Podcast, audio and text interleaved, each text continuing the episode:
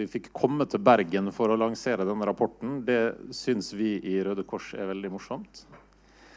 Eh, dette er jo, for de av dere som er opptatt av isolasjon i fengsel, så er jo dette eh, Det er ikke bare her det skjer i dag. Eh, klokka ett i dag så skal kontroll- og konstitusjonskomiteen på Stortinget eh, ha en åpen høring om Sivilombudsmannens særskilte melding om isolasjon i norske fengsel. Så det vi gjør her, er å ha et lite forspill. Eh, nå varmer vi opp til den eh, politikerhøringen som skal være senere i dag, eh, med å sette fokus på hvordan vi i Røde Kors opplever isolasjon i norske fengsel. Og så har vi med oss en veldig fin gjeng som jeg skal introdusere etterpå, til en samtale etterpå. Men Røde Kors har i 60 år Visitortjenesten til Røde Kors har 60-årsjubileum i år. I 60 år så har Røde Kors bidratt til å gi medmenneskelig støtte til innsatte i norske fengsel. I dag besøker våre 500 frivillige Røde Kors-visitorer innsatte i alle landets fengsel. Både de som sitter i varetekt, og de som er under straffegjennomføring. Vi tilrettelegger én-til-én-samtale med de innsatte, og vi organiserer ulike gruppeaktiviteter. Vi opplever at det tilbudet vi gir, fyller et gap for mennesker som ikke har så mange andre å snakke med, og som kommer på besøk. Og mange av de opplever ulike former for isolasjon eller ensomhet i fengselet. Og denne erfaringen som vi har opparbeida oss nå i snart 60 år, er bakgrunnen for at vi har utarbeida en rapport, som dere ser coveret til på skjermen, som vi har kalt for 'Innelåst'. Her har vi latt våre frivillige, gjennom at vi har stilt de åpne spørsmål om hva de snakker med innsatte om, få mulighet til å dele av sine erfaringer om isolasjon i norske fengsel. Grunnleggeren av Røde Kors sin visitortjeneste formulerte det sånn. Den beste medisinen for et menneske er et annet menneske. Den læresetningen holder seg godt også i dag. Samtidig så erfarer vi at frivilligheten alene kan ikke bære ansvaret for medmenneskelig kontakt i norske fengsel. Andre grep må også til. Og Vi skal komme litt tilbake til hvilke andre grep det er som kan iverksettes etter hvert. Men først så vil jeg gi ordet til Synnøve Andersen, som er frivillig i Røde Kors, og som sitter i Nasjonal faggruppe for kriminalitet og rus. Tusen takk for det. Um, og takk til alle dere som har kommet hit i dag en ganske grå tirsdag morgen for å snakke om et tema vi burde snakke om veldig mye mer enn det vi gjør, nemlig at det hver eneste dag er så altfor mange av menneskene våre som sitter isolert i norske fengsler. Vi vet at folk er isolert av en hel rekke forskjellige årsaker. Um, noe isolasjon skyldes vedtak fra domstol eller kriminalomsorg. Men det er også en hel del isolasjon som skyldes andre forhold, og som ikke dokumenteres ordentlig. Det kan være ressursmessige forhold, bygningsmessige forhold, og også at de som selv soner, velger å isolere seg fra fellesskapet de kan ta en del i. Helt uavhengig av årsak så vet vi at isolasjon det er skadelig. Det er skadelig for den psykiske helsen, og det er skadelig for den fysiske helsen. Og dette her, det er jo veldig Det er gammelt nytt, egentlig. Eh, Norge og de andre skandinaviske landene har fått kritikk for isolasjonsbruken i en årrekke. Fra Sivilombudsmannen, fra FNs torturkomité og fra Europarådet, blant annet. I juni i fjor, holdt på å si i år, men nå er det 2020, kom Sivilombudsmannen med en særskilt melding til Stortinget om isolasjon i norske fengsler. Og det er litt vanskelig å si hva som på en måte skjer først. Men nå er det i hvert fall ganske mye som faktisk skjer på dette feltet. Folk er litt på ballen. De følger med. Eh, fagfolk følger med. Kriminalomsorgen er med. Og politikerne er, som vi nettopp hørte, også faktisk med. I denne debatten så er det én stemme fra en veldig kompetent gjeng med mennesker som i veldig liten grad har blitt hørt tidligere. Og det er jo nettopp da stemmen til visitorene. Dette er jo da en gruppe som per i dag består av ca. 500 mennesker. Eh, men som også da har gjennom 60 år besøkt innsatte i fengslene.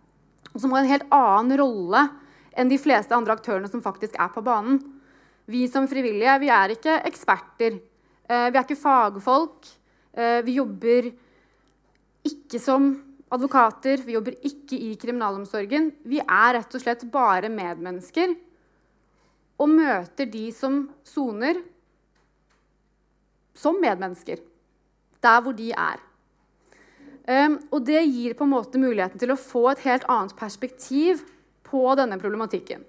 Og Det er det som på en måte ligger til grunn for da ønsket fra Røde Kors om å rett og slett samle inn noe av denne kompetansen, disse erfaringene, fra visitorene. Så det som da har blitt gjort, er at um, visitorer som er registrert med da, en e-postadresse i Røde Kors sine systemer, de har fått en e-post med en henvendelse kan du tenke deg å bidra med, dele noen av dine erfaringer. Små eller store. Um, og det er selvfølgelig da helt sånn frivillig å delta, men vi har fått inn hele rett over 80, eh, 80 svar fra visitorene. Og disse spørsmålene som de da har fått tilsendt, det er liksom åpne spørsmål. Målet har ikke vært å måte, kartlegge utbredelsen av isolasjon. eller den type ting. Det er det helt andre måter um, man kan på en måte gjøre. Men vi har stilt da åpne spørsmål, som f.eks. de som er sånn. Hvilke tema er det som oftest kommer opp i samtalene med de innsatte? Og Det kan være isolasjon, og det kan være helt andre ting. Noe, man må ikke si at man kjenner til isolasjonsproblematikken. Og Et viktig poeng her er jo nettopp det at visitorene blir jo på en måte ikke opplært til å snakke om isolasjon spesifikt. Det er ikke noe mål i seg selv. Man er der som et medmenneske, og man kan snakke om hva man har lyst til. Snakke om fotball, snakke om været, snakke om middag, snakke om familie, snakke om hva enn. Men til tross for at dette ikke er um, noe pålagt for å si det på den måten, fra Røde Kors eller fra visitorens side, så er det over halvparten sier at de har vært borti isolasjonsproblematikk på en eller annen måte i samtalene med de innsatte. Og dette viser jo også egentlig i seg selv hvor viktig del av hverdagen det å være isolert faktisk er for mange av de som soner i norske fengsler. Hvis vi skal på en måte trekke ut noe av hovedessensen, og det er jo det som på en måte ligger til grunn, at samlet inn alle svarene og prøvd å samle dem sammen i temaer som har gått igjen fra flere av de som har svart. Um, og et av de temaene det er jo nettopp det som vi allerede kjenner fra eh, tidligere rapporter, og tidligere forskning, nemlig det at isolasjon det er helseskadelig. Altså det kjenner visitorene på kroppen. De ser det selv i møter med andre mennesker. Um, og dette gjelder i veldig stor grad eh, en gruppe som er utsatt på en eller flere måter også fra før. At isolasjon rammer de aller mest sårbare og kan gjøre situasjonen deres enda verre enn den i utgangspunktet var. Som et sitat her viser Flere jeg har besøkt, har problemer knyttet til fysisk og psykisk helse i tillegg til rusproblemer. Mine erfaringer tyder på at relevant behandling er umulig å gi i fengselet, og at isolasjon generelt bidrar til en forverring av helsetilstanden. Og dette viser jo da at ikke bare skjer det ingen bedring, men isolasjon kan faktisk føre til at ting blir verre enn de allerede var. Tilsvarende er det også en del som deler erfaring knyttet til at det å være isolert kan føre til at ulike tilpasningsvansker faktisk oppstår hos innsatte som kanskje ikke er så utsatt i utgangspunktet. De kan komme inn, fungere ganske fint, men av ulike årsaker ende opp med å være isolert. Og sånn sett få utfordringer og problemer som de ikke hadde fra før. Et eksempel her. Som behandling og rehabilitering er det meningsløst å bruke isolasjon. Har erfart at innsatte jeg har besøkt som har sittet isolert, har utviklet både sinne og frustrasjon som de ikke viste i starten av soningen. Så her ser man altså en god del eksempler på at isolasjon på et eller annet vis kan, eh, kan gjøre det vanskelig da, eh, å få de gode effektene av det endringsarbeidet og de ressursene som kriminalomsorgen legger ned. Et annet tema det er at isolasjon påvirker hvordan de innsatte føler og tenker om livet etterpå. Det å sitte isolert skaper en enda større avstand mellom tilværelsen og hverdagen i fengsel og det samfunnet de skal tilbake til etter at soningen er ferdig. Som denne visitoren sier, flere av dem har stilt spørsmål ved det at de faktisk skal ut en dag og fungere sammen med andre. Og da opplever de at det å bli isolert er dårlig rehabilitering for å mestre livet på utsiden. Noen har gitt uttrykk for at isolasjonen fører til at de mister fullstendig troen på seg selv. Og dette er jo et godt eksempel på hvordan de mer mellommenneskelige, direkte og sårbare situasjonene kommer til uttrykk i relasjonen mellom visitorer og, eh, og de innsatte, som noe slikt kan helt sikkert få utslag på en type psykisk helsetest også. Men dette er ett av eksemplene på hvordan det kan gå for seg på en måte mer konkret og i praksis. I tillegg til disse overordnede temaene knyttet til særlig psykisk helse um, og tanken om livet etter soning, så gir, um, gir svarene fra visitorene en del pekepinner på hva de opplever er årsakene til at isolasjon faktisk finner sted. Hvor er det egentlig det kommer fra? Hvorfor blir det sånn? Og Et gjennomgående tema det er dette med ressurser i fengslene. Uh, som en sier her, Jeg opplever dette som et ressursspørsmål i fengselet. Og Dermed blir det også et politisk spørsmål. Ønsker vi at soningstiden ikke kun skal være straff, men også rehabilitering, er bruken av isolasjon et område det bør gjøres noe med. Det er en del som nevner at uh, aktivitetstilbudet i en del fengsler faktisk er ganske bra, og kanskje særlig på det som har med arbeid og utdanning å gjøre. Men for de som er aller mest utsatt, de som av ulike grunner ikke fungerer så veldig godt i disse aktivitetene, de er det et mye dårligere tilbud til. Og Det går da igjen tilbake til at isolasjonen veldig ofte rammer de som er mest sårbare i utgangspunktet. En annen side ved, dette, ved ressurssituasjonen som vi kan kjenne på, det er jo at det også påvirker de frivilliges arbeid i fengslene. Et konkret eksempel her er da at vårt største problem for tiden det er at vi ikke får gjennomført besøkende og andre aktiviteter pga. bemanningssituasjonen i fengselet. For at vi skal kunne gå på besøk, så må i hvert fall noen ha tid til å slippe oss inn. Noen ganger følge, litt avhengig av hvor man er. Eh, hvis ikke de har tid til å følge opp et besøk på Stella, så kanskje ikke besøket kan finne sted i det hele tatt. Og da blir ressurssituasjonen et spørsmål ikke bare om aktivitetstilbudet fra kriminalomsorgens side, men også muligheten Røde Kors har, og andre aktører, til å gå inn i fengslene og tilby en annen form for botemiddel, om du vil, mot det å være helt alene hele dagen. Og Det er kanskje også det siste temaet som, som går igjen i svarene vi har fått inn. Det er nettopp det viktigheten av den gode medmenneskelige kontakten. Og hvordan dette er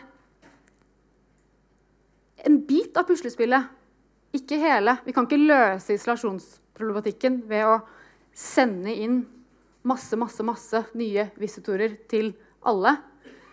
Røde Kors er én brikke i et veldig stort og komplekst puslespill. Um, føler meg veldig trygg på at dette arbeidet vil nok fortsette i 60 år til. Men vi trenger også at politikerne kommer på banen, sørger for at de tar sin bit av kaka, og at arbeidet visitorene gjør, kan fortsette. Takk for meg.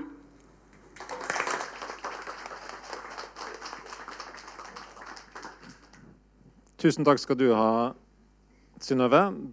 Da har vi lyst til å invitere til en samtale her oppe om isolasjon i fengsel. Og de vi har med oss i dette panelet, er eh, leder i Bergen fengsel, Harald Åsaune.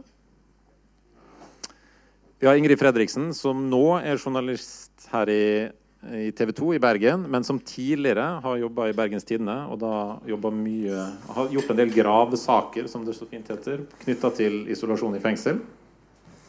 Og så har vi Marita Haug Haaland, som er advokatfullmektig, og som har hatt en del saker i retten knytta til isolasjonsutfordringer og isolasjonsproblematikk.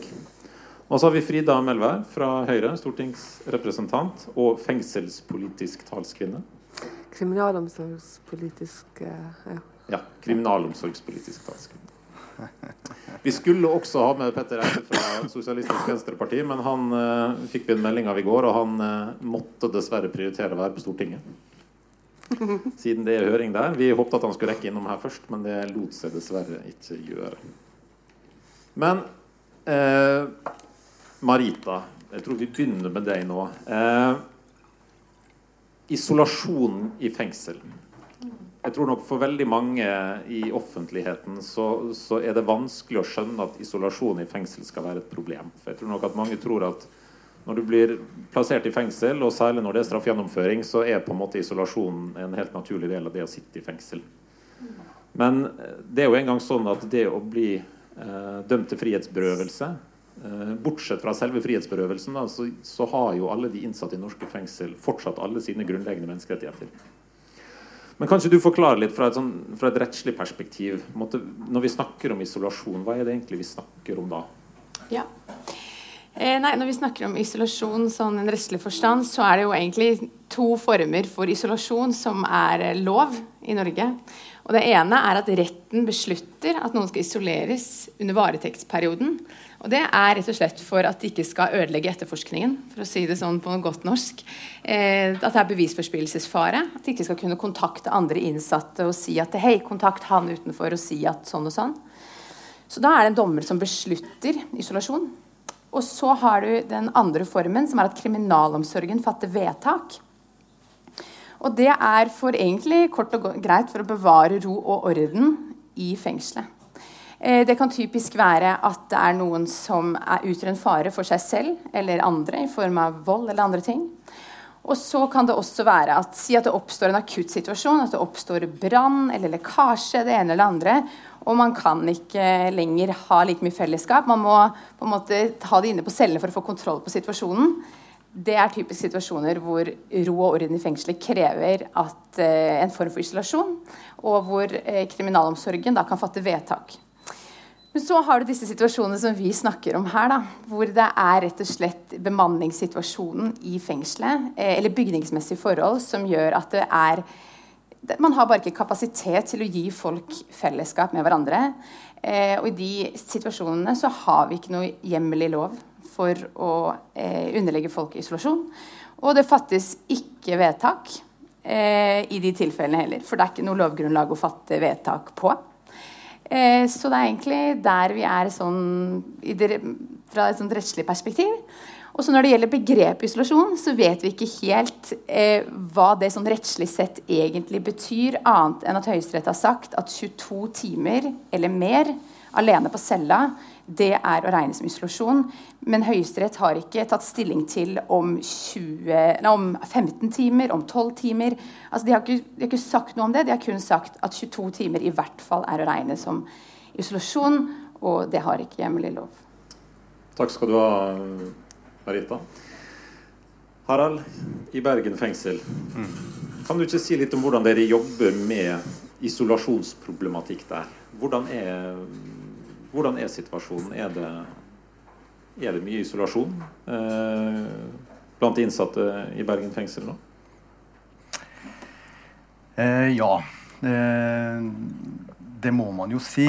Men eh, jeg tenker det er liksom viktig for meg fra kriminalomsorgen å si med en gang at vi i kriminalomsorgen er ikke glad for at vi har for mye isolasjon, eller at omfanget av isolasjon i kriminalomsorgen er så stort som det er. Eh, det er et problemområde som vi eh, har et sterkt ønske og behov for å gjøre noe med. Fordi eh, når Marita har sagt noe om dette, hva er isolasjon, så må vi gå tilbake til hva er det som egentlig er hovedregelen i kriminalomsorgen. For altså, det rettslige hovedregelen i kriminalomsorgen er jo egentlig straffegjennomføringslovens paragraf 17, som sier noe om at så langt det er praktisk mulig, så skal innsatte ha adgang til fellesskap. I arbeid, i opplæring og i program eller andre tiltak. Og i fritiden. Det er det som er grunnlaget her. Så det er egentlig unntaket fra det eh, som er eh, noe vi må gjøre noe med, nemlig altså denne isolasjonen. Og så er det helt riktig som Marita sier, at det kan fattes av retten eller det kan fattes av kriminalomsorgen at vi skal gjøre et unntak fra det som er hovedbestemmelsen. Problemet med den eh, unntaket er jo at vi ikke får gjort den jobben vi er satt til å gjøre. Nemlig det å drive rehabiliteringsarbeid med de domfelte. Eh, og det å tilby dem ting som gjør at de kan slippes ut av fengsel med en mulighet for å ja, lykkes bedre enn de gjorde før de kom i fengsel. Så dette står jo helt i veien for det vi er satt til å gjøre i, eh, i fengslene og i kriminalomsorgen. Så, så dette er jo veldig alvorlig for oss det er alvorlig i Norge, men det er også alvorlig i Bergen fengsel. Og selvfølgelig er det den menneskelige lidelsen som er verst oppi dette. For den som blir isolert, er det en forferdelig situasjon å være i. Eh, og vi vet at det er skadelig både fysisk og psykisk å være isolert. Um, så, um, så, det er grunnlaget her. På landsbasis kan vi si at uh, altså vi har hatt noen sånn dagsmålinger da, gjennom flere år nå, som viser omfanget av isolasjon. Og da snakker vi om isolasjon eh, som nettopp disse eh, to timene, altså mindre enn to timer fellesskap med andre innsatte. Grunnen til at vi har kommet dit, det, det, det handler om at det også har blitt FN sin definisjon på hva som er isolasjon. Men det kunne ha vært mange andre eh, definisjoner på isolasjon også. Men det er jo den som ofte blir tatt som et utgangspunkt. Da. 200 innsatte har mindre enn to timer fellesskap med andre i Norge. 200 viser disse dagsmålingene, altså i gjennomsnitt. Det er veldig mange mennesker hver dag. Eh, I Bergen fengsel, eh, hvis vi går på den akkurat samme statistikken og ser på dagsmålingene, så er faktisk Bergen fengsel et av de fengslene i Norge som kommer dårligst ut. Vi har mye isolasjon i Bergen fengsel. Har hatt gjennom den tiden. Eh, det har heldigvis blitt noe bedre de siste par åra. Sånn at vi ser en helt sånn klar trend på at eh, omfanget av isolasjon i Bergen fengsel har gått ned. Det skyldes jo eh, at vi har hatt mye fokus på det, og at vi har gjort noen tiltak i Bergen fengsel, men også i kriminalomsorgen eh, for øvrig, for å redusere omfanget av isolasjon. Og så kan man jo også se på ja, hva med dem som har litt mer fellesskap. da? Fordi Det er jo et uh, viktig poeng der. At Selv om vi har sagt at mindre enn to timer er isolasjon, så er det også problematisk at eh, lengden på dette fellesskapet som domfelte har, eh, det varierer veldig mellom fengsler. Og så eh, er det mange årsaker til det. Um, en årsak man har pekt på, uh, det er jo det, altså, Bare for å si det altså, Omtrent hver fjerde innsatte i norske fengsler har uh, altså 16 timer eller mer alene på cella. Hver fjerde innsatte i norske fengsel. Det er veldig mange eh, folk som har mindre enn fire timer fellesskap. Årsaken til det er sammensatt og vanskelig. Um, vi kan, hvis vi tar det med bygg først, så er det sånn at en del av bygningsmassen til kriminalomsorgen er veldig gammelt. Og det er da tilrettelagt for fellesskap blant de innsatte. Men vi ser også at i fengsler som er mye ja, yngre, som, som, Bergen fengsel, som er bare 30 år, eh, der er det også sånn at eh, alle fengsler som er bygd de siste 30 åra, har jo fått sin avdeling A, for å kalle det det. er en sånn type sånn mottaksavdeling, eller noen kaller det restriktiv avdeling. og sånne ting. Eh, det er avdelinger hvor det egentlig ikke er tilrettelagt godt nok da, for eh, at innsatte skal ha fellesskap. Det er den avdelinga folk kommer til når de sitter i varetekt, eller ja, når, de har, eh, når, det har skjedd ting i fellesskapet på de andre avdelingene, og de blir kanskje ført tilbake der, for de fungerer ikke så godt i fellesskapet. Um, ja, eh, det, det, er den type årsaker til at de blir sittende der. I Bergen fengsel så er denne avdeling A veldig stor. Og det er litt spesielt for Bergen fengsel, det må jeg jo si, og det er kanskje derfor vi har vært så høyt oppe på den statistikken. Eh, fordi A vest, da, for å være helt lokal, eh, det er en liten avdeling som, som, er en sånn type mottaksavdeling, eller restriktiv avdeling, hvis vi skal kalle det det. Der er det egentlig bare en cellegang, eh, og så er det ingen rom da, eh, hvor det er tenkt at innsatte skal ha fellesskap sammen.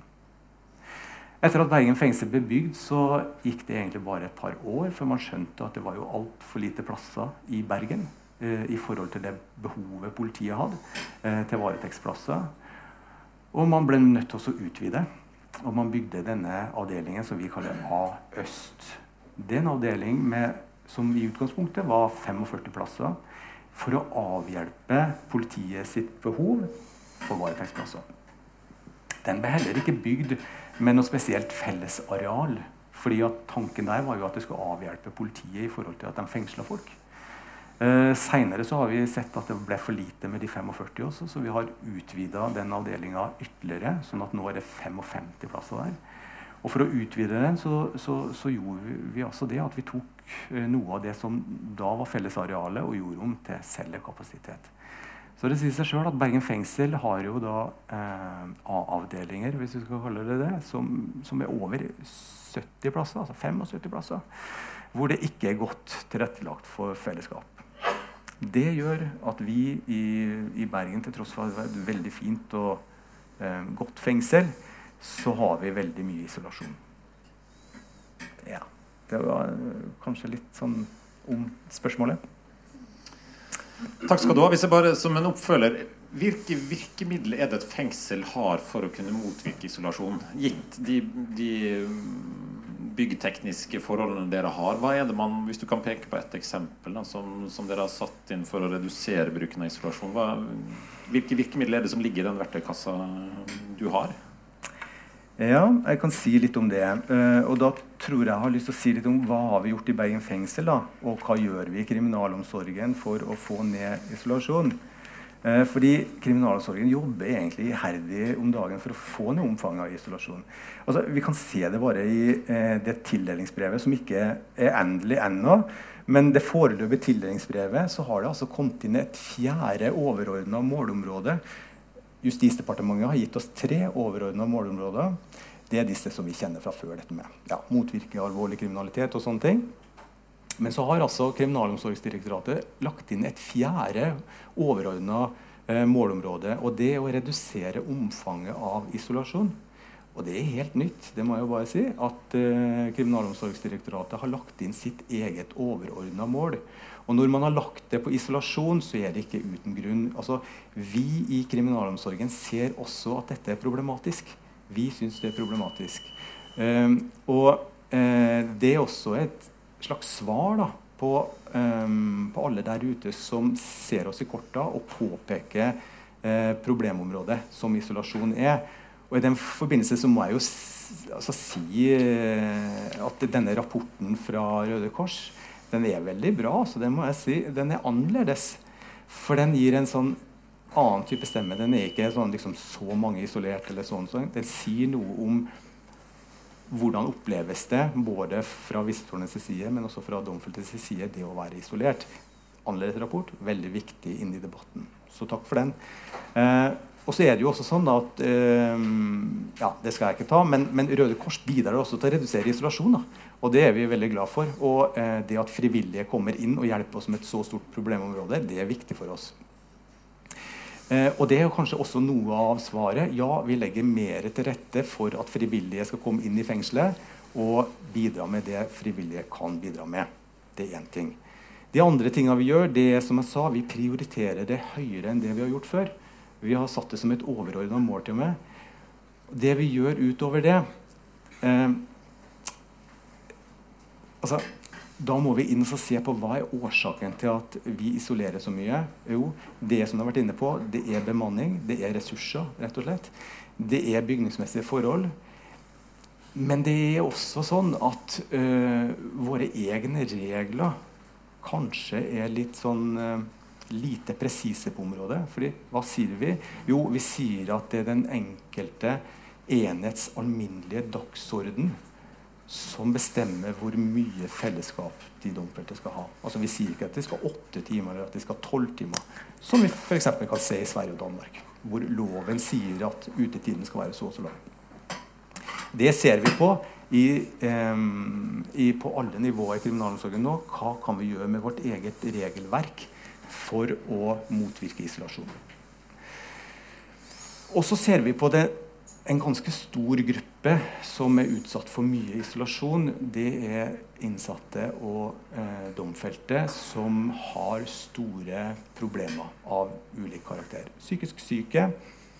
Eh, folk som ikke greier å være i fellesskap med andre eh, innsatte. Hva slags tiltak har vi egentlig for dem? Og det henger sammen med ressurssituasjonen. Fordi at Skal vi følge opp dem, så er det veldig ressurskrevende. Vi må nesten være én til én, kanskje av og til to til én, for å følge opp dem. De er utagerende, og de har store behov. I Bergen fengsel i fjor vår så gjorde vi et forsøk. Vi etablerte et slags ressursteam med seks eh, ansatte som var dedikert til oppgaven å redusere omfanget av isolasjon og følge opp de isolerte med tanke på å dempe skadevirkningene, men også det å forsøke å få dem ut av isolasjon. Vi hadde økonomi til å drive det i tre måneder. Eh, årskostnaden på et sånt team er jo eh, nesten fem millioner. Vi har så marginale eh, budsjettrammer at det, det, hadde vi ikke sjanse til. Men pga. en omorganisering så hadde vi disse eh, ansatte tilgjengelig. Etter tre måneder eh, drift av dette eh, Team A, som vi kalte det, da, men det er et ressursteam, eh, så ser vi at resultatet er jo formidabelt. Omfanget av isolerte gikk, gikk ned. Vi så at vi greide å få folk som var sjølisolert, ut av den isolasjonen og over på en fellesskapsavdeling. Fordi de ble møtt av de samme folka hver dag, som uansett hva som møtte dem, eh, motiverte, var med dem og kom tilbake dagen etterpå og spurte om det samme. Etter hvert så ble de satt i stand til å eh, komme over på en ordinær eh, fellesskapsavdeling. Så vi ser at det å sette inn ressurser eh, på nettopp det problemområdet, det virker. Det andre vi vet virker, det er å få mer helsehjelp inn i fengselet. Fordi vi, vi, kommer ikke fra at mange av de folka her er syke. De trenger hjelp av kompetente mennesker. Våre ansatte er ikke helsearbeidere. De har ingen, eller de har masse kompetanse, men, men, men, ikke den spesielle kompetansen som skal til for å gjøre de rette tiltakene opp mot de her menneskene. Der står vi i de tiltakene vi kan gjøre eh, lokalt. Men det er viktig å si at eh, skal vi virkelig få gjort noe med problemet isolasjon, så må vi ha mer ressurser. Jeg må bare minne om at eh, eh det er gitt mye penger til kriminalomsorgen, men mye av det er gitt i form av nye bygg. Når vi ser på budsjettrammene, så er den faktisk redusert med 400 millioner. Eh, når vi ser i eh, perioden fra 2014 og fram til i dag. Mye av det skyldes denne såkalte ABE-reformen. Det er klart at Effekten av det er at vi har mindre å sette inn i forhold til nettopp problemområdet som oppfølging av innsatte med problemer, og det som omhandler isolasjon. Takk skal du ha, Harald. Eh, jeg regner med at Frida har lyst til å kommentere på dette med budsjettet, men det skal du få gjøre etterpå. Eh, først, Ingrid. Du har jo jobba ganske tett med denne problematikken tidligere. Og kanskje du deler litt med oss Hva var det dere fant ut eh, når dere jobba som journalist tett på disse sakene om, om isolasjon i fengsel? Ja, sånn overordnet sett så fant vi ut fra offentlighetens ståsted da, et veldig sånn eh, skjult og ukjent bruk av isolasjon i fengselet. Vi fant ut at det ikke registreres, altså det, det dukker ikke opp veldig mye isolasjon i offentlige statistikker, slik at man egentlig får synliggjort hvilken type isolasjon eller hvor mye isolasjon som skjer i alle tilfeller. Og vi fant også ut at kontroll og tilsynet med, mangle, nei, med norske fengsler er overfladisk eh, og dårlig i mange tilfeller. Og i noen tilfeller og i, mange, i noen fengsler så er det da eh, ting som det ikke føres tilsyn med i det hele tatt, bl.a. Eh, en del av tvangsbruken.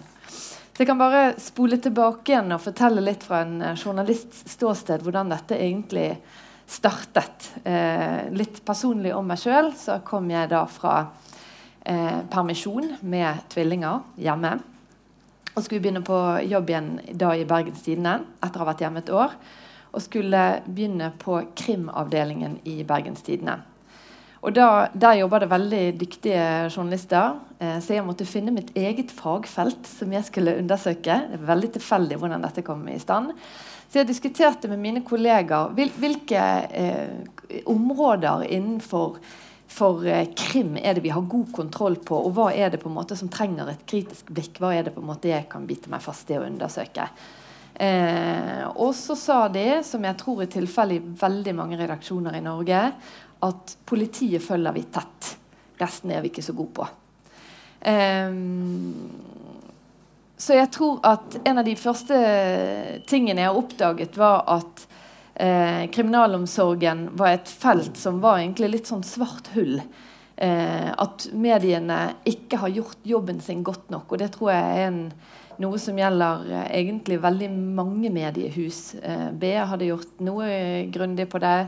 Eh, men, men, de fleste sakene som var tatt opp av nasjonale medier, var litt sånn enkeltsaker. Veldig ofte sensasjonspreget. Eh, Enkeltståstedet med en innsett som har satt krav til sånn og sånn, eller en som har prøvd å rømme, eller Men, men eh, jeg så fort at det ikke var gjort noe eh, grundig undersøkelser av forholdet eh, i kriminalomsorgen, og kanskje spesielt i fengselet, på så lenge jeg kunne finne ut.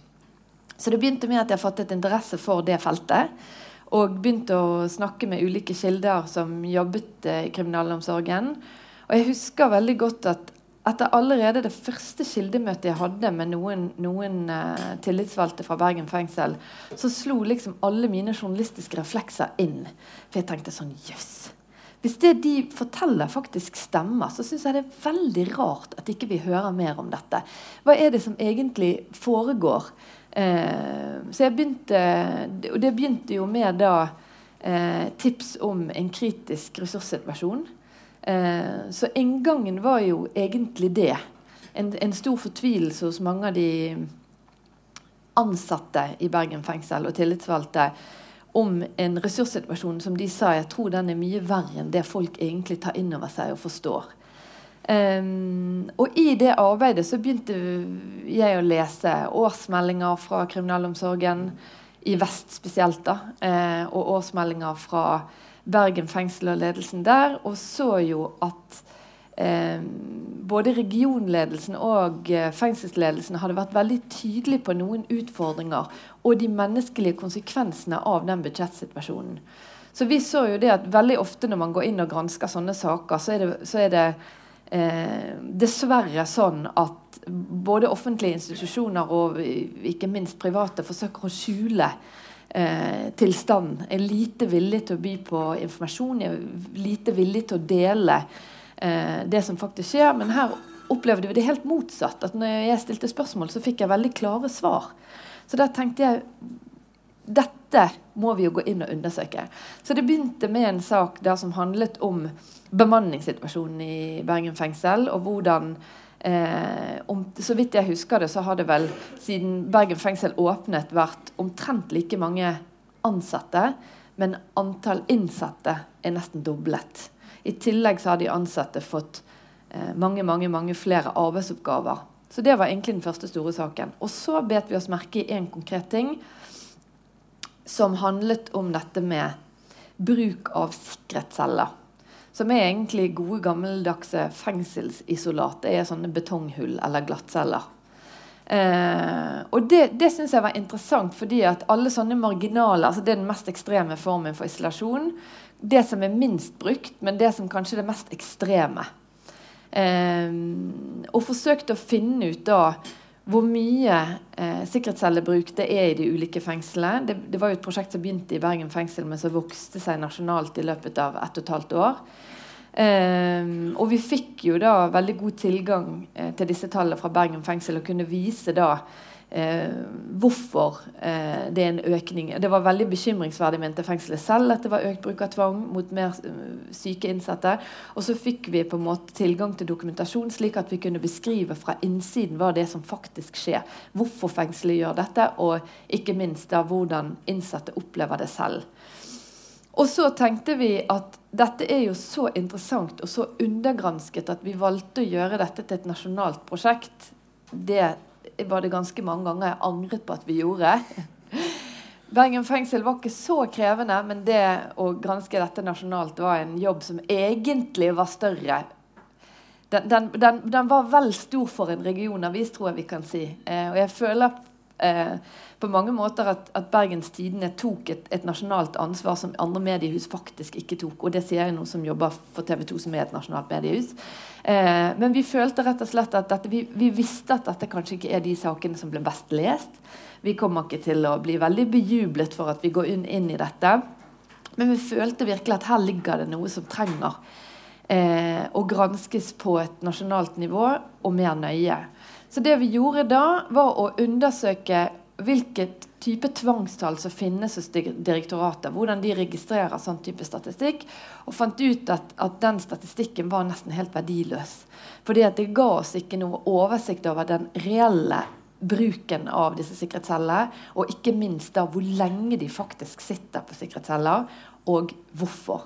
Så vi talte da hvert enkelt tilfelle En analytiker som jobbet med dette, en fantastisk dataanalytiker i Bergens Tidende som jobbet med det i mange måneder da, å telle hver enkelt time de innsatte satt på disse sikkerhetscellene. Eh, og så gikk vi gjennom da hundrevis av vedtak fra fem fengsler, hvor vi kategoriserte hvilke begrunnelser fengselet selv bruker for å isolere dem.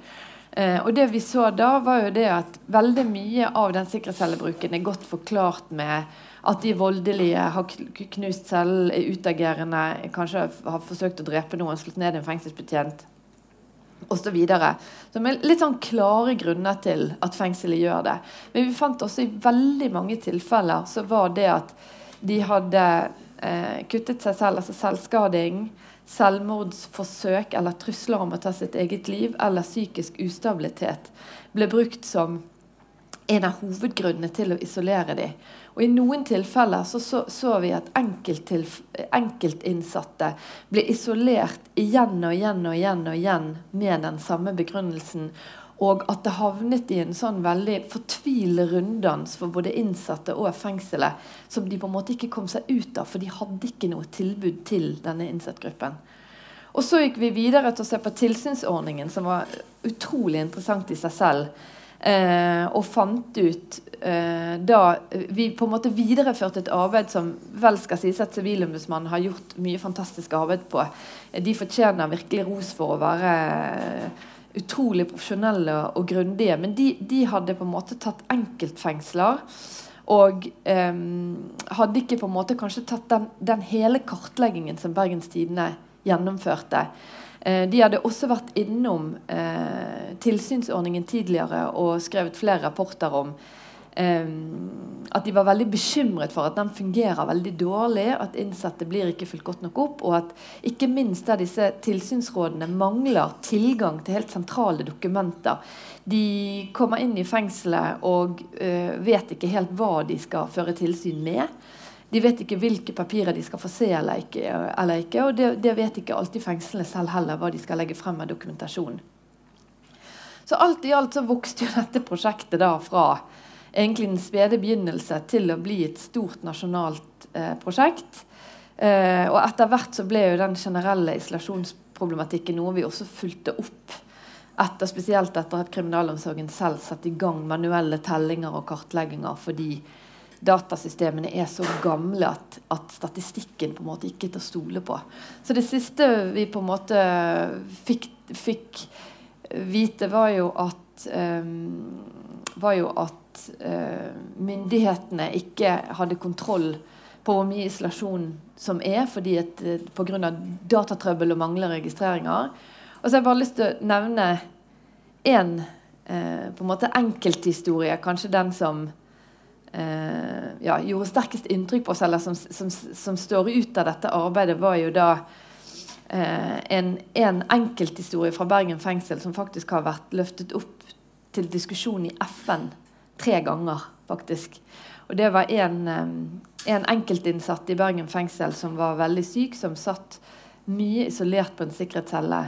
I perioder så, så var han der, nesten bodde der i perioder. Um, og det som gjorde stort inntrykk på oss, var uh, Vi faktisk sporet han opp, for han var ute av fengselet, og vi fant ut hvem det var. Han var på en psykiatrisk institusjon. Og lot seg intervjue. Han hadde sittet i sikkerhetscelle i 1700 timer i løpet av noen få år Og kunne fortelle faktisk ganske adekvat om sine opplevelser inne på denne sikkerhetscellen, og på en måte få hans historie på den ene siden, og samtidig da få innsyn i brev fra, i, nei, fra ansatte i Bergen fengsel som desperat nærmest har prøvd å melde fra om at de selv mener at behandlingen av denne mannen er uverdig. De mener selv at dette er en behandling som er helt umenneskelig, men de føler selv at de ikke har noe valg fordi at de ikke hadde noe alternativ. Så det var på en måte å se denne lidelsen eller, og, og desperasjonen og fortvilelsen fra begge ståsted som på en måte kanskje sitter igjen. da. Takk for det. Frida, det, det tegnes et ganske dystert bilde eh, over situasjonen i kriminalomsorgen eh, her. Eh, og det gjør det i Sivilombudsmannens eh, særskilte melding som skal som det skal være høring på i Stortinget litt senere i dag. Som politiker, hva, hva er på en måte hva er dine tanker rundt dette? Mm. Um, for tre år siden så kom jeg da inn i justiskomiteen. Uh, helt fersk på Stortinget.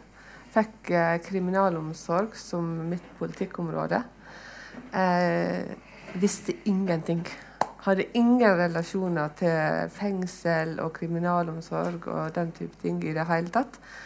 Jeg kommer fra lovlydige Sogn og Fjordane, eller Vestland som vi nå heter. Um, og så begynte jeg, eh, nesten litt sånn som journalistene her, å, å, grave meg ned. Vi har jo selvfølgelig eh, program eh, og politikk på kriminalomsorgen, sånn som vi har eh, på de andre justisfeltene våre. Men det er litt sånn som det har blitt eh, tegna her. Nå resonnerer jeg litt før jeg kommer til poenget. Eh, at jeg tror fengsel Jeg tror jeg er litt sånn eh, Eller var eh, sånn som folk flest. Har ikke veldig mye innsikt i fengsel. Det var et lukka felt eh, som de færreste av oss har innsikt i. Med mindre vi har vært der sjøl eller kjenner noen som har vært der.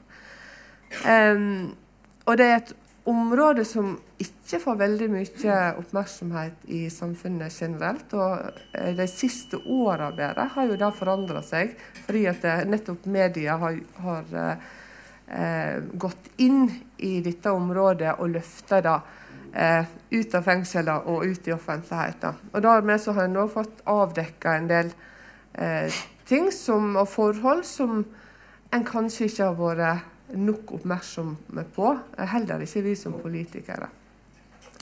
Eh, så kan det hende at det andre har vært mer oppmerksom på det enn meg, som har vært ganske fersk i dette her. Eh, men jeg har iallfall fått mange aha-opplevelser underveis. Og så har jeg litt lyst til å si det, for du sier at det blir tegnet et dystert bilde av eh, norsk kriminalomsorg.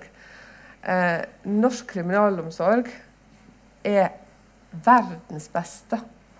Eh, og det skal vi ha med oss. Eh, det eh, andre land kommer en masse til Norge for å besøke våre fengsel og se hvordan vi driver eh, vår kriminalomsorg. Den skandinaviske modellen er veldig eh, anerkjent ute i verden. Vi har den eh, laveste tilbakefallsprosenten i verden. Vi har veldig få som eh, utøver ny kriminalitet etter at de er sluppet ut. Vi har enormt dedikerte. Eh, det er kanskje en av de viktigste tingene som har slått meg. Ansatte som gjør en så fantastisk jobb. Som har et verdisyn og et menneskesyn som jeg applauderer. Iallfall de som jeg har møtt. Og vi har frivillige organisasjoner som gjør en enorm jobb inn i fengselet. Så tror jeg, når jeg har sagt alt da, at vi skal erkjenne at vi har områder som vi definitivt kan bli bedre på. Og isolasjon er et av de områdene.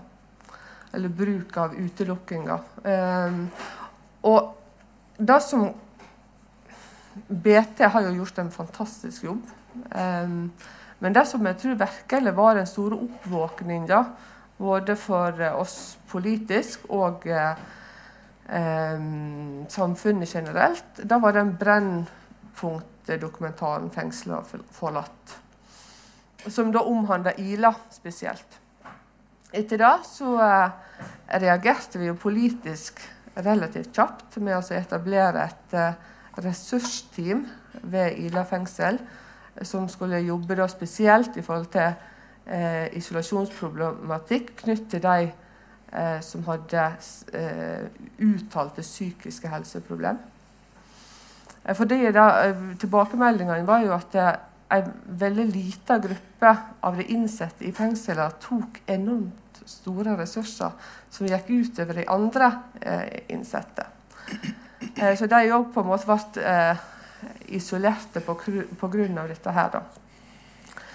Eh, så har det òg over tid Jeg går litt tilbake. Eh, vi har innført ganske mange alternative straffegjennomføringsmetoder. Sånn at flere enn tidligere soner nå ute i samfunnet. Eller de går på elektronisk eh, kontroll. Eh, å få lov til å faktisk slippe å sitte i fengsel. Det kan være i jobb, det kan være på skole, det kan være eh, i lag med sin familie eh, gjennom soninga. Men da med den eh, restriksjonen som ligger på. Eh, EK. eh, og vi har òg sett over tid at de, de, som da var stabilisatorer inne i fengselet, de er nå gjerne ute. og populasjonen, altså i den innsatte gruppa, blir kanskje noe tøffere. Jeg vet ikke om at uh, Åsa Aune kan bekrefte det. Eh, og det er mer over tid så har jeg sett en utvikling innen psykiske helseproblem eh, som er etter hvert begynner å bli uttalte. Som jeg eh, er helt eh, trygg på at de ansatte opplever hverdagen kanskje tøffere nå eh, enn tidligere. Så har vi brukt masse ressurser. I 2013, når uh, vår regjering tok over, så hadde vi en fengselskø på 1200 uh, som sto og venta på å få sona dommene sine.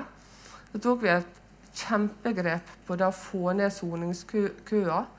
Eh, vi kjøpte bl.a. soningsplasser i Nederland og brukte det over tid. og satte inn ganske mye ressurser i den tida for å så Belegget var vel på rundt 97 eh, Det var overfylt i norske fengsel. Eh, vi hadde ikke plass til, til alle. Eh, vi fikk heller ikke rehabilitert fengslene våre, noe som er bare helt ufattelig nødvendig. Um, så med å kjøpe de plassene i Nederland så kunne en stenge avdelinger i Norge og rehabilitere dem Eh, mens vi òg fikk eh, vekk soningskøa. Og det har vi klart. Det har vi eh, så godt som i mål med. I tillegg så har vi brukt et historisk høyt eh, tall midler på eh, rehabilitering. Bare nye Agder fengsel koster oss 2 milliarder. Det står klart i april i år. 300 nye fengselsplasser. Um, vi har uh, rehabilitert både uh, Ullersmo, Eidsberget, Evje fengsel. I tillegg til at vi har brukt 1,2 milliarder på generell rehabilitering og vedlikehold av fengsler. Så har vi en sånn akuttsituasjon nå. Det er Ila, Oslo og Bergen. De går igjen i denne isolasjonsproblematikken. Eh, Ila har vi eh, gjort eh, mye med i forhold til ressursteamet. Og så åpna vi ei, ei forsterka fellesskapsavdeling for psykisk syke der i disse dager. og vi har òg etablert et sånn nasjonalt helsetilbud for Eh, innsatte dømte for seksuelle lovbrudd. Eh, de ser vi òg er en del av den gruppa som isolerer seg sjøl, eller vil isolere seg. Eh, det er jo et landsdekkende tilbud med helsehjelp der. Så har vi satt i gang forprosjektet på nytt Oslo fengsel. Det er helt nødvendig. og Ila skal rehabiliteres i år for et par og 20 millioner kroner. Eh, noe som til slutt vil koste oss over 300 millioner kroner. Så har vi òg fått til Bergen fengsel fordi at dere har vært så flinke til å formidle. Eh, for det er litt sånn, eh, Oslo fengsel får mye oppmerksomhet i nasjonale medier. Ila fengsel får mye oppmerksomhet i nasjonale medier. Bergen fengsel får mindre Eh, oppmerksomhet i nasjonale medier, men regional BT og BA har vært flinke. Eh, og så har jeg hatt en del kontakt med dem, så det får jo det ressursteamet eh, som dere ønsker dere. Eh, vi har satt av to millioner nå i budsjettet, og jeg vet at dere vil ha fem. Iallfall fire og en halv. Og så må helse ta sin del av denne her biten, sånn at Eh, der skal vi prøve å få tilført i løpet av året, sånn at en i minimum får fire millioner i 2020. Så er det òg sånn at eh, her er veldig mye på gang eh, knytt til Sivilombudsmannen sin eh, rapport. Eh, justisministeren, helseministeren, de har sett i lag. Eh, KDI er på, på ballen. Eh, det er ikke mulig å klare å gjennomføre alle disse her, eh, bygningsmessige eh, utfordringene som vi har, som beløper seg på mellom 3,3 og 4,4 milliarder kroner. Eh, det klarer ikke vi på ett år. Det er sånne ting som vi må ta over tid. Eh, og vi må ta det som haster mest, først. Eh, og jeg tipper at det da blir Oslo fengsel eh, som blir det neste.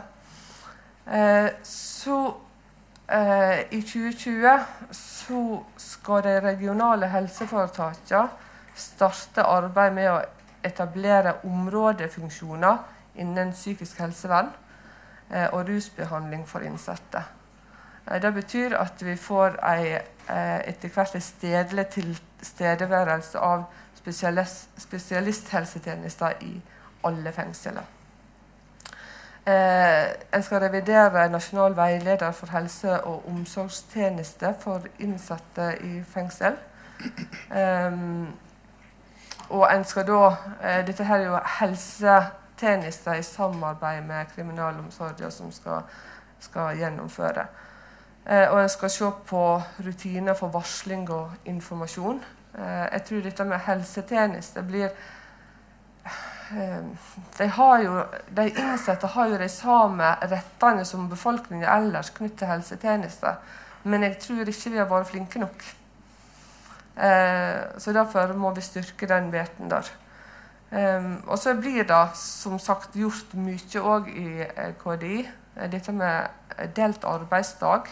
I yrkeslivet ellers så er det jo sånn at det er ikke alle som klarer å jobbe 100 Eh, men da er det bedre at en kan jobbe kanskje 30% 40% 50% eh, Sånn er det òg for de innsatte. Det er bedre at Om du ikke klarer å være ute i åtte timer, så kan du kanskje klare fire.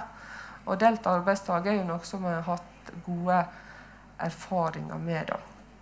Eh, men dette med aktivitetstilbud og, og eh, ja, det er ting som blir sett på, eh, og som blir gjort et større arbeid på nå. Og så håper jeg at KDI kommer tilbake til oss med noen gode råd. Og så får vi se hva neste budsjett sier i forhold til det. Nå, dette var veldig lenge. Beklager. Takk for det. Marita, som, som advokat, og du, du, treffer jo klienter som sitter både i politiarrest og i varetekt, og, og, og, som er under straffegjennomføring. Hvis vi skal se litt på hva som bør gjøres fremover da, for, å, for å få bukt med dette, hva, hva, tenker du kan være noen av de viktigste tiltakene som kan iverksettes? Ja, der tenker jeg det er mange ting, og jeg skal ikke ramse opp alt. Men det jeg støtter meg veldig til, er de anbefalingene som Sivilombudsmannen kommer med i denne særskilte meldingen til Stortinget. Der kommer de med ti veldig konkrete anbefalinger på lovgivernivå. Og jeg tenker at En av de viktige tingene som de fremhever, jeg er enig i alt de skriver, men særlig det er å lovfeste en minimumsstandard som vi har i Danmark og Sverige. Eh, F.eks. at alle har rett på si åtte timer, tolv timer, hva enn det måtte være, av fellesskap som er langt, eh, langt, langt bedre enn det vi har i dag, som jeg tror kan utgjøre en forskjell. Men det kan ikke virke alene, det må virke sammen med en tilsynsordning. Og det, må, eh, det, kan også virke sammen med et forbud mot isolasjon og konkrete klagemuligheter. For i dag, hvis du spør en innsatt som sitter alene, om de vet hva de skal gjøre når de sitter en eller to timer ute i fellesskap. De aner ikke hva de skal gjøre for å kunne eh, rette en klage, annet enn å snakke med advokaten sin og si kan du ta, kan, hva skal vi gjøre? Og så må vi vente til straffesaken, ta det opp der, og så kan de få et fradrag. Kan vi skrive litt sinte brev til fengselet og si hva er det dere driver med, få denne personen over på en annen avdeling, dette er skadelig. Ok, det kan hende det skjer noe. Eh, men det er noen tiltak som jeg tenker på et lovgivernivå kunne vært veldig, veldig viktige tiltak. da. Mm. Eh, Harald, du var jo inne på at eh, bevilgningene bevilgningen i kriminalomsorgen hadde gått ned. Nå hørte vi fra Frida at det, det gjøres mye fra, fra, nasjonalt hold. Men er det sånn at det er pengene det står på? Eh, det er mer sammensatt enn så, så, men det står på pengene. Eh, og eh, det er veldig bra det Frida Melberg sier, og det er helt riktig at ja, vi må gjøre noe med eh, med byggene våre. Vi må gjøre det med Oslo fengsel osv. osv. Eh, og, og jeg vet jo også at eh, Frida Melvær har engasjert seg eh, helt personlig i at vi skal få de pengene til dette ressursteamet. Og det er jeg veldig glad for. Altså Engasjerte enkeltpolitikere som virkelig tar et personlig initiativ. Det er bra. Det trenger vi. Men vi trenger veldig mye mer. fordi jeg er helt enig med Marita at vi må gjøre noe med eh, lovverket hvis det virkelig skal monne. Men så vet jeg jo også det, som, eh, som fengselsleder, at eh, ja vel La oss si at vi forandrer loven og sier at alle innsatte i Norge skal ha ti timer utetid. Eller åtte timer. Eller tolv timer. Vi har ingen mulighet til å gjennomføre det uten å endre loven eh, når det gjelder det med å være sammen med de eh, innsatte. Fordi en skal også huske på det at skal vi ha et fellesskap med innsatte, ja, så skal det være en ansatt til stede. Et helt vanlig eksempel Bergen fengsel. På en avdeling der så har vi delt opp i små, fine boenheter med seks og seks innsatte. På en avdeling er det da sju eh, boenheter. Og hvor mange fengselsbetjenter tror dere vi har råd til å ha der? Ja, halvparten. Det betyr at halvparten av boenhetene må betjenes eh, bare sånn innimellom. Sant? Fordi én ansatt har kanskje to boenheter. Eh, hvis vi har de boenhetene åpne og et fellesskap der, ja vel, da har vi ikke tilstrekkelig tilsyn med dette fellesskapet. Og vi har en annen problemstilling, jo, nemlig vold mellom innsatte, trusler mellom innsatte, og de tinga som foregår rundt der. Det har vi et særskilt ansvar for å beskytte dem som er i disse fellesskapene også. Og det er klart at Skal man gjøre en sånn lovendring, så må politikerne samtidig gi oss en helt annen bevilgning. Og her snakker vi ikke om småpenger. altså. Vi snakker om flere hundre millioner hvis vi skal være tilstrekkelig bemanna for at alle domfelte i Norge, eller alle innsatte i Norge skal ha et minimum av fellesskap hvis vi snakker om åtte timer. For det er jo det som egentlig er det normale å snakke om. Åtte timer ut i tid.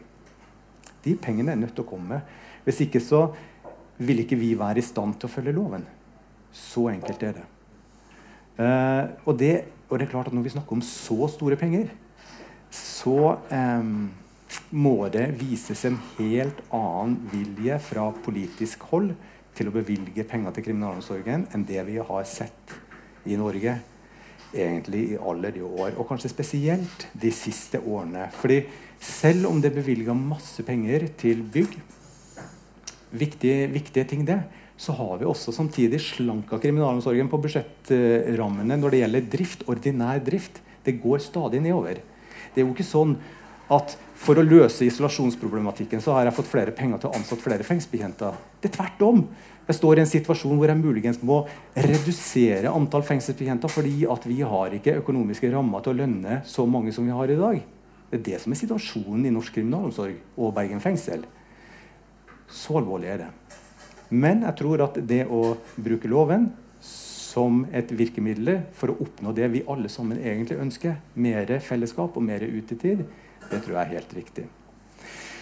Men det er også masse andre ting som må til. Eh, det er jo sånn at eh, Dette med bygg har vi vært inne på. Men, eh, men det er også sånn at um, vi må ha mer kompetanse. For det er riktig som Frida Melvær også sier, innsattegruppa er om mulig enda mer syk, hvis vi skal si det, enn det den har vært tidligere. Kanskje har det en sammenheng mellom uh, at uh, Og det er veldig bra at vi gjennomfører mye mer av straffa ut i samfunnet enn før. Nå er det vel sånn at det er nærmest like mange som gjennomfører straff der ute, som inne i fengsla. Og det er kjempebra, og det, uh, og det er vi veldig veldig glad for. Mm, men det fører også til en mer sånn konsentrasjon av folk som ikke kan gjennomføre straff der ute. Og dem er som regel ja, de har alvorligere kriminalitet, og de har større plager enn de andre. Vi ser også et område som eh, Frida Melvær så vidt nevnte. altså eh, Seksuallovbruddsdømte. Det er en gruppe som går dramatisk oppover i, i, i norske fengsler. og det, det er flere grunner til det. Det er jo ikke sånn at det begås mer seksuelle overgrep i dag enn før. Men eh, de får mye lengre dommer. Mm, omtrent dobbelt så lange dommer som tidligere. Og vi har fått en helt ny gruppe, nemlig det med eh, nettkriminalitet. Eh, som gir oss store utfordringer. Og vi ser også at det gir oss utfordringer i forhold til dette med ordinære fellesskapsavdelinger. Dette er folk som eh, ja, lettere enn andre kan bli utsatt for både vold, trakassering og, og, og, og, trusler og press fra andre domfelte. Og vi har et stort ansvar for å beskytte dem. Vi må ha mer kompetanse på det området. Vi må ha mer helse inn i fengsler. Men jeg skal legge, altså jeg skal ikke skyve vekk at vi også er nødt til å gjøre noe med vår egen kultur. Nemlig vår vilje til å isolere. Fordi det er jo ikke sånn at vi ikke må se på oss sjøl. Uh, um, og, altså, selv om de aller, aller fleste som jobber i kriminalomsorgen, ønsker å gjøre noe med isolasjonsproblematikken, så må vi spørre oss all, all isolering som vi foretar oss, er den, er den, nødvendig? Er den riktig? Vi er nødt til å jobbe med vår egen kultur også. Bare, jeg, skal, jeg skal slippe til, eh, til, Ingrid litt. Oh, du skal få lov å kommentere på det. Men så har jeg også et annet spørsmål. Du har jo jobba med Du har jo vært med å løfte denne problematikken nasjonalt. Isolasjon i norske fengsel. Eh, og, og, som Røde Kors er en humanitær aktør, og vi er opptatt av å, å, hindre og lindre menneskelig nød. Og det er jo menneskelig nød vi finner en del av i norske fengsel i dag, knytta til isolasjonsproblematikk, knytta til sykdom. Hvor vanskelig var det å få gjennomslag for at dette var noe dere skulle bruke masse interne ressurser på i ja, i, i, mediehuset for å kunne skrive om dette. For det, i en sånn kommunikasjons... dette er jo ikke nødvendigvis en kioskvelter som selger flere aviser. Men, men hvordan skal, og nå snakker vi om dette her i dag, og det skal debatteres på Stortinget. Men hvordan skal vi klare å få gode offentlige diskusjoner rundt hvordan vi behandler innsatte i norske fengsler? Og det utrolig godt spørsmål. Jeg vet ikke om jeg har noe godt svar på det, men der må jeg jo bare gi uendelig ros til min tidligere arbeidsgiver Bergens Tidende, som er et veldig modig mediehus. Utrolig opptatt av samfunnsoppdraget sitt. Eh, og eh, jeg må bare gi veldig mye ros til mine ledere, nyhetsleder Helge Svele og nyhetsredaktør eh, Jens Stian Wold, som egentlig aldri stusset på om vi skulle gjøre det eller ikke. De så på saken, mente det var viktig nok til at vi gikk inn i det. Eh, og jeg husker En av mine favorittøyeblikk med min eh, tidligere nyhetsredaktør var når jeg sa det at eh, men dette her, det, det, er ikke Vi kommer til å bruke mye saker, eh, mye tid og krefter på saker som kanskje få leser. Og han sa det driter jeg Og der tenkte jeg yes, that's my man. Vi gjorde det likevel. Eh, så, så aksepten internt var egentlig veldig stor, men vi så jo at engasjementet utad varierte veldig. Det var noen saker som skapte veldig stort engasjement, bl.a. de første store sakene fra Bergen fengsel. Og så var det vanskelig å, å få eh, Det var vanskelig å få de store massene til å engasjere seg i mange av sakene deretter. Men jeg har bare lyst til å nevne én ting som, som fra, et, fra, en journalists ståsted. Eh, en av de viktigste sakene som jeg glemte å nevne i sted, og som hele tiden i denne isolasjonsproblematikken som, som er liksom det, det store eh, debattklimaet, eller de, de, debatten nasjonalt, handler jo om dette med isolasjon. Men det som eh, det var én av tingene som fengselsbetjentene og de innsatte var opptatt av. Men det de kanskje var enda mer opptatt av, det var det med rehabilitering og program. Det er altså da aktivitetstilbudet og det handler om behandlingen av de, og faktisk det som skal gjøre de i stand til å slippe ut uten kriminalitet. Alt det som skal, være, det som skal handle om rehabilitering av mennesket, og ikke straffebiten. Eh, der, der, gjorde vi jo en sak som jeg egentlig burde fått mer oppmerksomhet hvor, hvor BT gikk inn og undersøkte rehabiliteringen og antall program. Eh, og Der ser man bare viktigheten av å stille kritiske spørsmål. og Det håper jeg alle organisasjoner og politikere og alle blir mye flinkere til. Fordi at offentlig statistikk det kan du bli ganske lurt av. Vi så jo bl.a. da at alle vi snakket med i fengselet, sa det at rehabiliteringstilbudet og programtilbudet er det nesten ikke noen ting igjen av. Det er stusselig i forhold til hvordan det var. Men i statistikken så ser det ut som om programvirksomhetene har gått opp. Og dette fikk vi aldri til å stemme. Hvordan oppfattelsen ute i kriminalomsorgen var så forskjellig fra statistikken. Og så spurte vi ja, nei, det hadde vært en oppgang i programvirksomheten. Eh, og spurte og ba om innsyn i det detaljert hva som lå bak den statistikken. Og fant ut at korte sånn turgrupper og malekurs på noen få timer havnet i samme statistikk som langvarig behandlings program for vold og overgrep. Så da så jo dette på papiret riktig så greit ut. Men i praksis så var bildet mer nyansert enn det som kom frem i den offentlige statistikken. Og Derfor så er det så viktig å bore i dette hele tiden og finne ut ok, dere sier at det er sånn, men hva ligger egentlig bak? Hvorfor er disse avgjørelsene tatt, og hvorfor er disse vurderingene sånn som de er? Så det håper jeg da at også frivillige organisasjoner og andre som har muligheten til å stille disse spørsmålene, og alle andre medier blir mye, mye flinkere til å, å spørre om hva som ligger bak. Takk for det, Ingrid. Tiden løper fra oss, rett og slett. Eh, Marita hun skal snart i en rettssak. Så hun må snart løpe. Det ble dessverre ikke tid til spørsmål fra salen. Men jeg tror noen av de kan sikkert bli fem minutter til hvis dere har lyst til å komme fram og stille et spørsmål. Og så skal jeg selvfølgelig gi politikeren muligheten til å kunne avslutte med en, punchline avslutningsvis. Eh, og da, Frida, hvis vi skal tenke litt sånn utenfor det som er gjort, og det som ligger i planer og i budsjetter og i, i regjeringsplattformer Nå skal kontroll- og konstitusjonskomiteen ha en åpen høring i dag. Hvis du skulle valgt én ting som du vil at man skal løfte inn i kriminalomsorgen i de neste to-tre årene, hva er det du har lyst til at skal være det nye Eller hva tenker du er viktig å løfte nå eh, i fortsettelsen av denne stortingsperioden? Og det er egentlig så utrolig mye. Eh, fordi at eh, norsk kriminalomsorg, den, den, får ikke du eh, ship-shape eh, på 1, 2, 3. Det er veldig, veldig mange ting å ta tak i. Men hvis at jeg skal personlig skulle ha ett område med mer fokus, så er det helse. Eh, og hvordan den implementerer helse eh, i sterkere grad inn i fengselet. Tusen takk for det. Da vil jeg på vegne av Røde Kors takke så mye for at alle kom. Tusen takk til paneldeltakerne våre for at dere stilte her på en tirsdagsmorgen, og til Marita som allerede har løpt videre. Tusen takk for i dag.